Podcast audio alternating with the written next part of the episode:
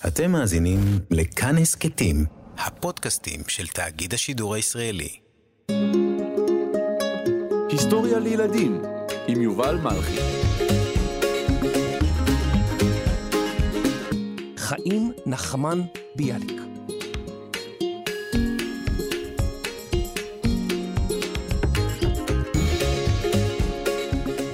שלום ילדים, היום אני רוצה לספר לכם על המשורר הלאומי שלנו.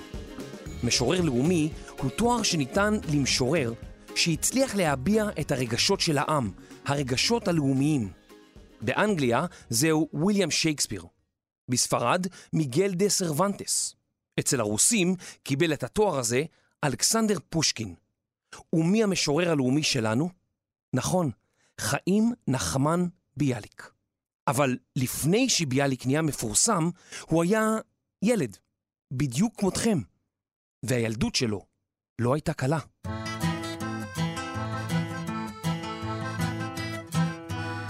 הכפר רדי היה כפר קטן ליד העיר קייב, היום בירת אוקראינה. חיים נחמן ביאליק תיאר את הכפר ככך: מקום יערות ושדות ונווה שאנן, מלא יופי צנוע של טבע. זוהר רקיע, מרחבי שדה, דומיית חורש. ביאליק נולד בכפר הזה בשנת 1873, לפני כ-150 שנה.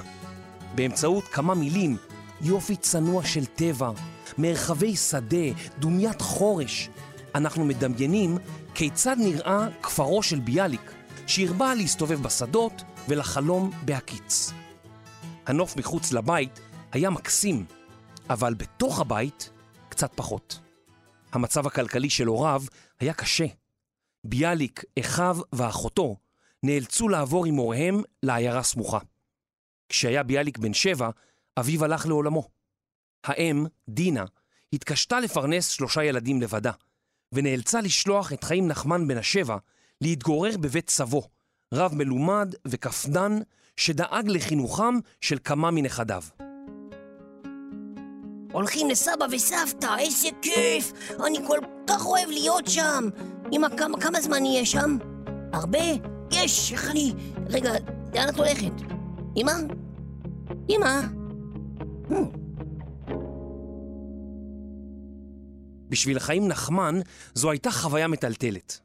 הילד הקטן התגעגע כל כך לאימו, עד שפעם אחת אפילו ברח מבית סבו אליה, אבל היא נאלצה להחזירו. בבית סבו גילה חיים נחמן הקטן את ארון הספרים היהודי, וכשסבו מפעיל משמעת קפדנית, הפך מילד שובב לתלמיד חרוץ. הוא נחשב לעילוי בתורה, ורבים חשבו שיהפוך לרב גדול. כשהיה בן 16, ביקש ביאליק מסבו לעבור ללמוד בישיבת ולוז'ין, ששילבה תלמוד תורה עם לימודים כלליים. עתה נחשף ביאליק גם לשירה ולספרות, וגם לכתבים על ציונות. רעיון שהיה חדש באותה תקופה, ולפיו על היהודים לשוב לארץ ישראל ולהקים בה מדינה עצמאית. כשהיה בן 19, כתב את שירו הראשון, אל הציפור, ובו הוא פונה אל ציפור שזה עתה חזרה מארץ ישראל. שלום רב שובך, ציפור הנחמדת, מארצות החום אל חלוני.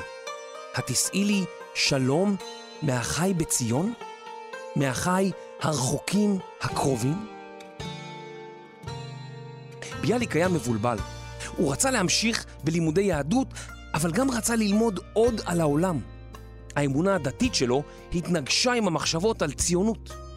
ביאליק היה קצת אבוד, וחש שהוא לגמרי לבד. בשירו המרגש "לבדי" כתב: כולם נשא הרוח, כולם סחף האור, ואני, גוזל רך, נשתכחתי מלב. זה היה הזמן של הגוזל לפרוס כנפיים ולקבל החלטה שתשנה את מסלול חייו. בן 18 עזב את הישיבה ועבר לעיר אודסה. שבה נאספו יהודים רבים ששאלו את עצמם מה פירוש להיות יהודי בעידן המודרני. מה צופן העתיד לעם היהודי באירופה? את ההתלבטויות שלהם הם העלו על הכתב, בעברית, וכך עזרו להחיות את השפה העברית שבמשך מאות שנים שימשה שפת קודש בלבד. ביאליק וחבריו כתבו שירים וסיפורים בעברית, וביאליק ממש התרגש לפגוש אנשים שהיו להם שאלות דומות לשאלות שלו.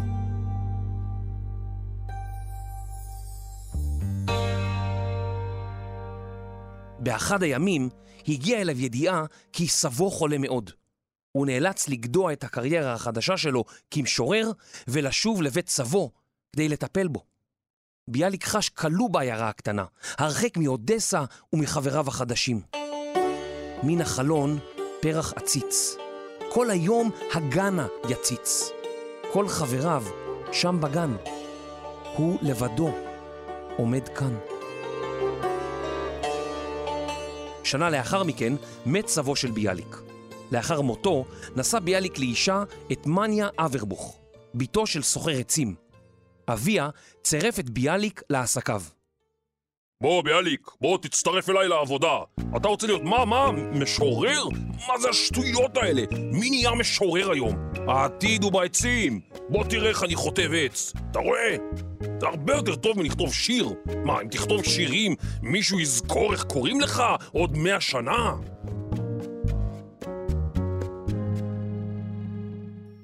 לתקופת מה הפך ביאליק מכותב שירים לכותב עצים.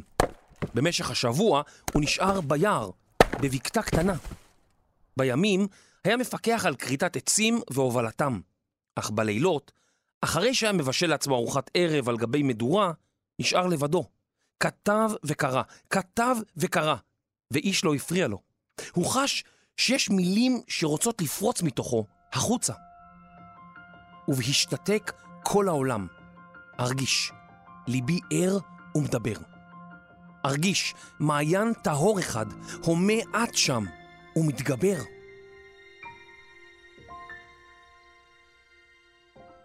ביאליק שלח את שיריו לכתבי עת שונים. הם התפרסמו ושמו נודע בקרב רבים. הוא עבר לאודסה עם אשתו כדי להיות קרוב יותר לסופרים העבריים. בן 28 פרסם את ספר השירים הראשון שלו. המבקרים הרעיפו עליו שבחים וכינו אותו המשורר של התחייה הלאומית. העברית העשירה שלו, שהייתה גם נוגעת ללב, ביטאה את התחושות של רבים מקוראיו. ביאליק כתב על כך בשירו: לא זכיתי באור מן ההפקר, אף לא בא לי בירושה מאבי, כי מסלעי וצורי ניכרתיו, וחצבתיו מלבבי. אלא שאז קרה אסון לעם היהודי. לא הרחק מאודסה, בעיר קישינב, היום עיר הבירה של מולדובה, פרצו פרעות נגד היהודים. פרעות נגד יהודים החלו כבר 20 שנה קודם לכן. השלטונות לעתים עודדו את הפורעים, ולעתים לא עשו דבר. בקישינב הפורעים רצחו כ-50 יהודים ופצעו יותר מ-600. ביאליק נשלח לאסוף עדויות מהקהילה היהודית העמומה. הוא היה מזועזע מחוסר האונים של היהודים נוכח תוקפיהם. עוד בטרם יצא לקישינב, כתב את הפואמה על השחיטה, ובה הוא דרש צדק. הוא תיאר בפואמה הזאת את תחושת הנקם שעלתה בו. נקמה חזות, נקמת דם ילד קטן, עוד לא ברא השטן. בשיר, בעיר ההרגה, תיאר ביאליק את אדישותו של הטבע לנוכח חוסר הצדק האנושי. השמש זרחה, השיטה פרחה, והשוחט שחט. ביאליק כתב על חוסר האונים של העם היהודי ועל כך שאין מי שיגן עליו. מרגע זה ואילך היה ביאליק לקולו הרשמי של העם היהודי. ביאליק הפיח רוח חיים בשפה העברית, שפת התנ"ך, שפה עתיקה שהייתה זקוקה לניעור ולהתחדשות. הוא עזר להפוך אותה לשפה מודרנית וחיה. כך הוא נעשה אחד מהאבות הרוחניים של התנועה הציונית. בשנת 1909 הגיע ביאליק לביקור ראשון בארץ ישראל. היישוב היהודי בארץ יצא מגדרו בקבלת הפנים לביאליק. ילדים חיכו בנמל ובידיהם שלטים שנכתב עליהם משוררנו הלאומי. מאות ואלפים חיכו לו בכל נקודת יישוב שאליה הגיע, ואספות גדולות נערכו לכבודו. באחת האספות נאמו לכבודו אנשים רבים כל כך, עד שביאליק כמעט התעלף.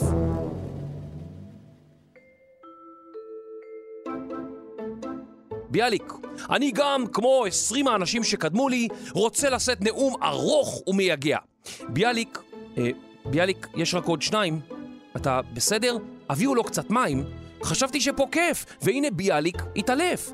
אוי, בן אדם, הוא רק נרדם, צריך את הנאומים לקצר, או שהוא בכלל לא ירצה להתעורר. איך אני בתור uh, משורר? אני יכול להיות... Uh, לא? לא נורא.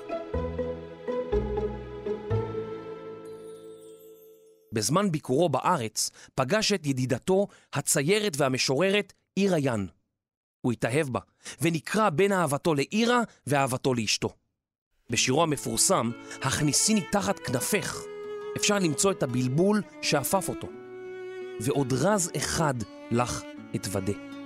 נפשי נשרפה בלהבה. אומרים, אהבה יש בעולם. מה זאת אהבה? בסופו של דבר, הודיע ביאליק לעיר עיין שלא יוכלו להיות זוג, בניגוד לתקוותה. הכניסיני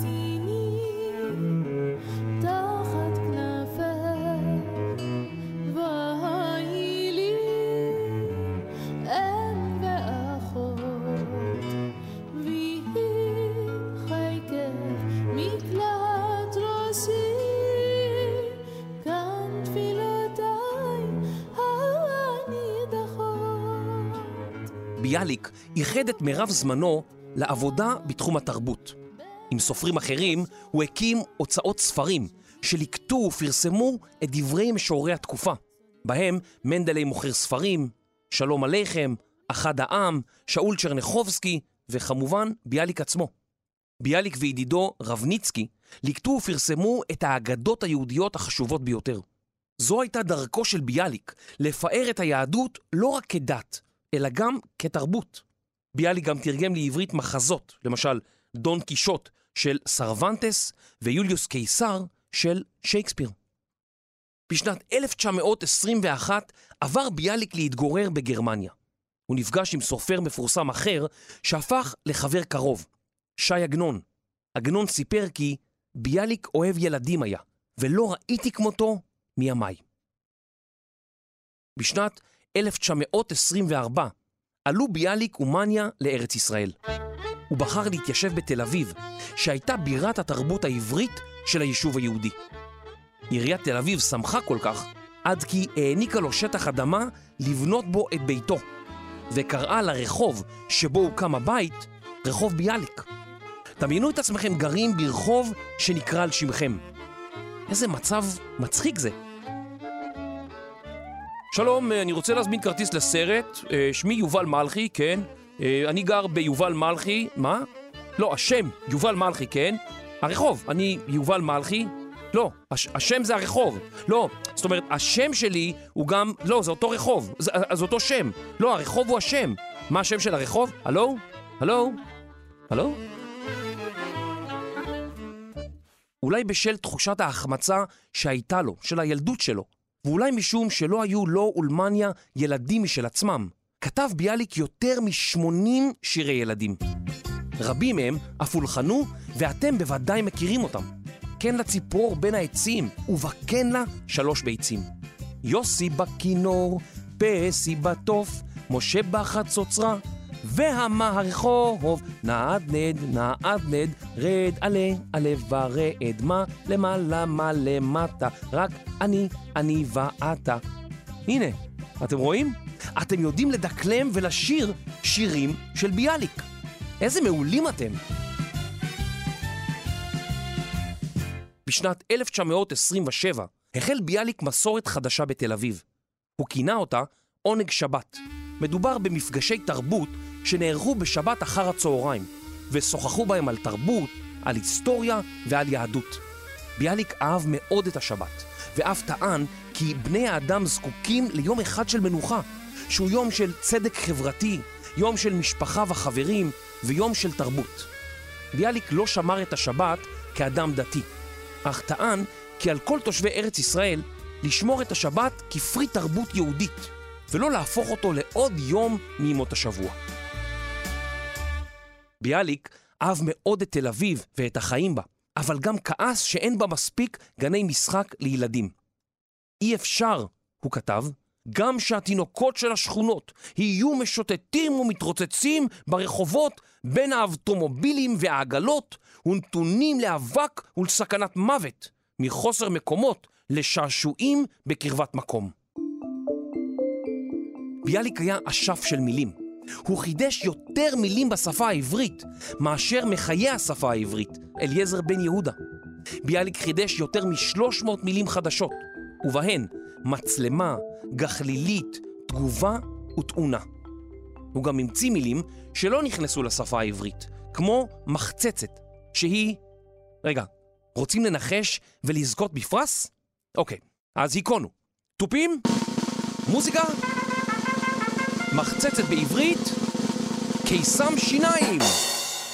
והפרס... אין, אין לנו פרס. סתם אמרתי. סליחה.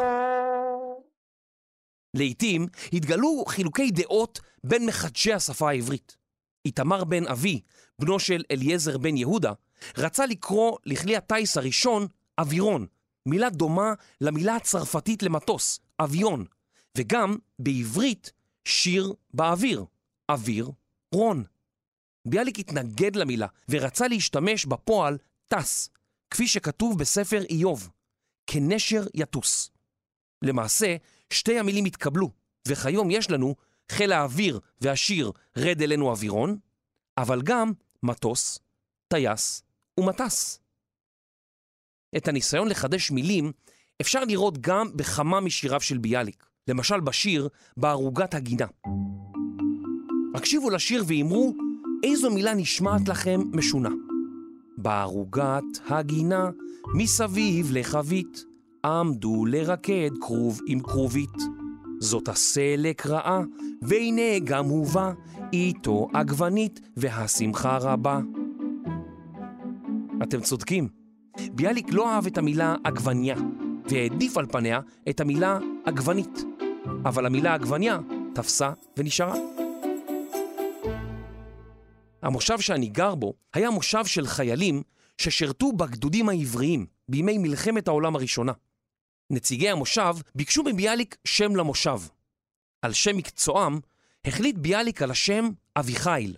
זה היה שמו של אביה של אסתר המלכה, וגם הרכב של המילים אבי חייל.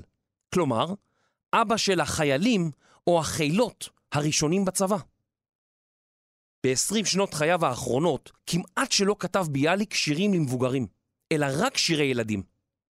באביב 1934, באחד ממפגשי עונג שבת, נשא נאום מיוחד, ובו סיפר: הנני יוצא חוצה לארץ מפאת מחלה. הנני מרגיש כי גם תל אביב שלנו, והיישוב בכלל, חולים בשעה זו. והנה הסימן העיקרי למחלת השעה, ההתפוררות הפנימית האיומה, ריב המפלגות, שנאת אחים האוכלת בנו בכל פה. חולה הוא היישוב, וחולה תל אביב שלנו, ואני מברך אתכם ואותי, שאזכה לראות בשובי אל הארץ סימנים של הבראה. אבל ביאליק לא שב. בעת הטיפול הרפואי הוא מת במפתיע. הבשורה על מותו הפתאומי הכתה את העולם היהודי בהלם. בתל אביב הוכרז על יום אבל. בהלוויה שנערכה ברחובות תל אביב השתתפו כמאה אלף איש, כמעט מחצית מהיישוב העברי אז. על שמו של ביאליק קרואים כחמישים רחובות בארץ. בתל אביב יש רחוב ביאליק וכיכר ביאליק, שדרות חן, ראשי התיבות של חיים נחמן, ואפילו רחוב בצלות, על שם הסיפור אלוף בצלות ואלוף שום, שכתב ביאליק.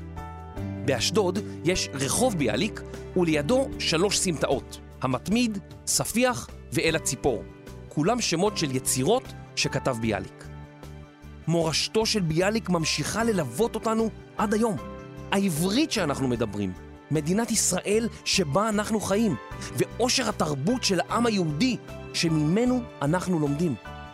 עלינו גם לזכור את צוואתו, נאומו האחרון, ולהפסיק את ריב המפלגות ואת שנאת האחים. בימי חייו כתב ביאליק שיר שבו חזה את מותו. אחרי מותי ספדו ככה לי, היה איש, וראו, איננו עוד. קודם זמנו מת האיש הזה. ושירת חייו באמצע נפסקה. וצר, עוד מזמור אחד היה לו, והנה אבד המזמור לעד. אבד לעד. ביאליק השאיר גם לכם ילדים שיר ששמו ילדי ישראל, ובו כתב: ילדי ישראל, יתנכם אלוהים רבבות רבבות, כצמח השדה וכפרחי הבר. ונזרעתם בארץ והשרשתם בה, ודבקתם באדמתה. והיה כאשר תגדלו, ועבדתם את ארצכם ואת עמכם, בידיים אמונות ובלב טהור, והייתם כולכם ששון לאוריכם, ותפארת לארצכם. אמן ואמן. אני בטוח שאם ביאליק היה יכול לבוא הנה, לרגע, ולראות אתכם בדיוק עכשיו, הוא היה כל כך גאה בכם, שבטח היה כותב איזה שיר. חיים נחמן ביאליק, המשורר הלאומי.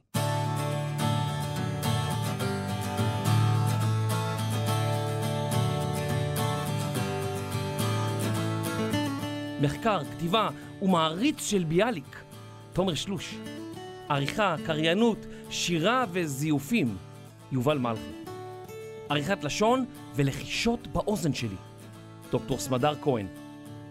מיקס, אפקטים ומעריצה של נתן אלתרמן, רחל רפאלי. הפקה והכנת סלט ממלפפון ועגבנית, רני שחר ואייל שינדר.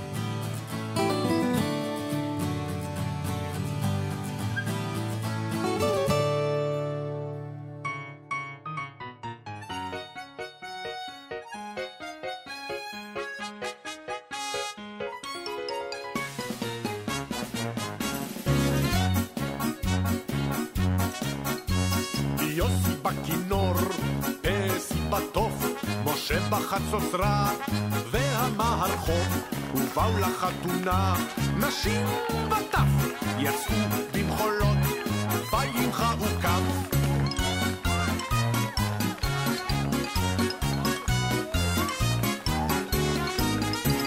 יוסי בכינור, פסי בתוף, משה בחצוצרה, והמערכות, ובאו לחתונה, נשים וטף, יצאו במחולות, וימחאו כף. היי!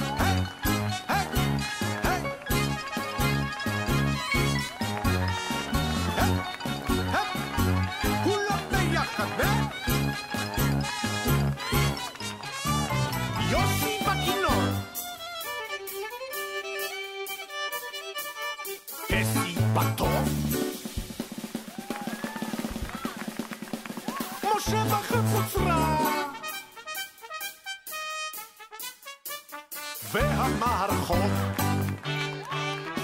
ובאו לחתונה, נשים בטף, יצאו במחולות, וימחאו כף.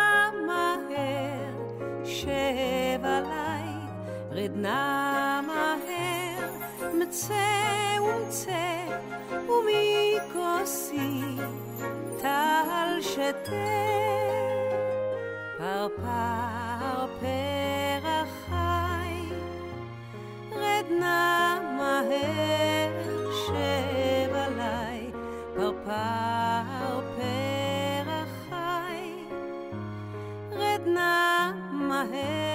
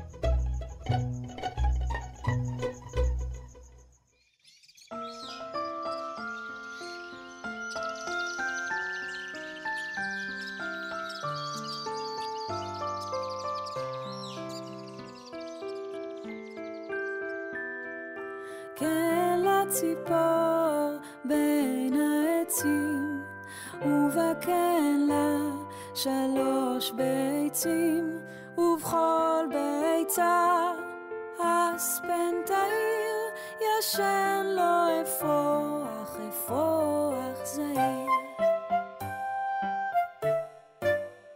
נחליאלי קטן, ראיתי בגן, זנב לו ארוך ויפה.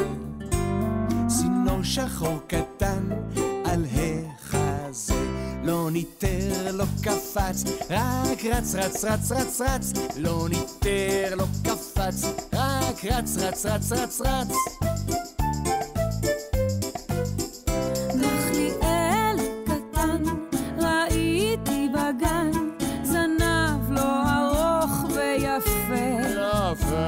צינור שחור קטן על החזה, לא ניתן לו קפץ, רק רץ רץ רץ רץ רץ, לא ניתן לו קפץ, רק רץ רץ רץ רץ רץ.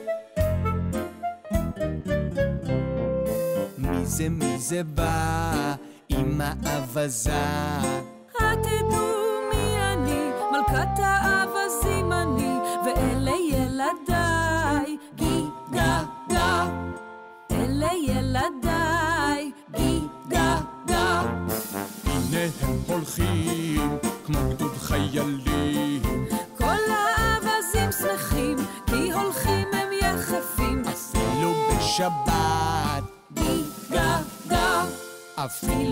בשבת גיגה גה.